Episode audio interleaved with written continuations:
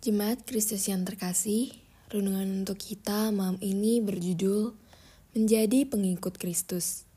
Dan bacaan kita diambil dari Markus 8 ayat 31 sampai 38.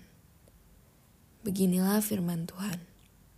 Kemudian, mulailah Yesus mengajarkan kepada mereka bahwa anak manusia harus menanggung banyak penderitaan dan ditolak oleh tua-tua imam-imam kepala, dan ahli-ahli Taurat.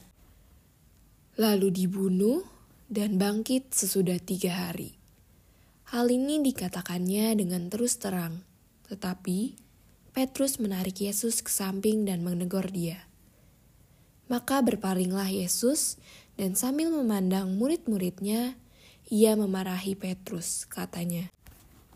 Enyahlah, iblis, sebab Engkau bukan memikirkan apa yang dipikirkan Allah, melainkan apa yang dipikirkan manusia.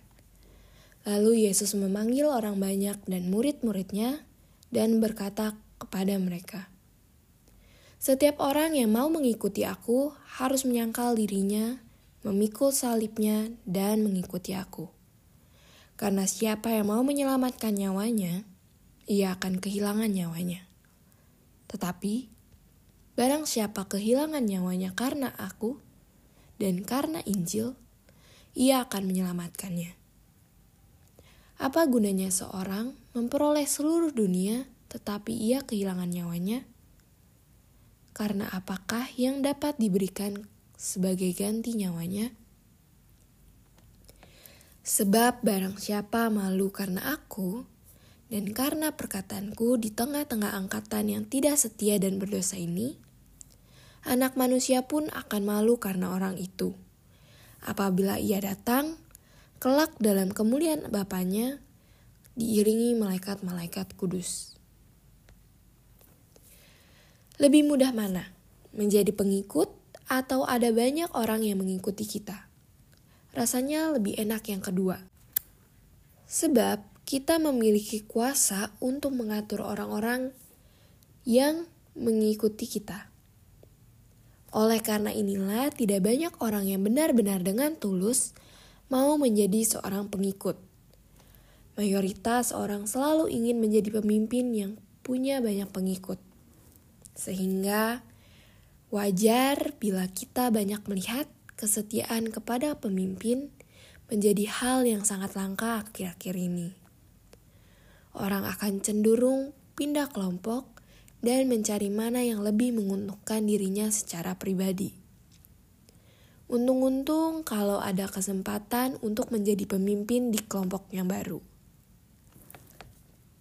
Inilah mengapa banyak menjadi orang Kristen, tetapi sedikit yang benar-benar menjadi pengikut Kristus.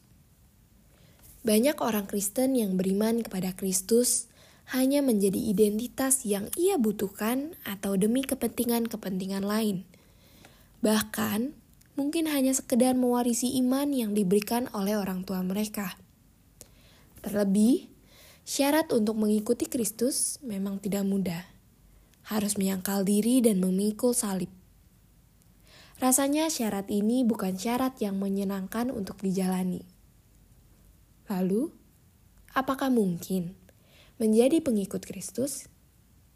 Sangat mungkin kalau kita menyadari siapa Kristus, apa yang ia nyatakan kepada kita, dan dalam pertolongan serta bimbingan Roh Kudus. Selamat berproses bersama Tuhan. Demikianlah renungan malam ini. Semoga damai dan sejahtera dari Tuhan Yesus Kristus tetap menuhi hati dan pikiran kita. Amin. Jemaat yang terkasih, Marilah kita bersatu hati menaikkan pokok-pokok doa yang ada dalam gerakan doa 21 GKI Sarwenda.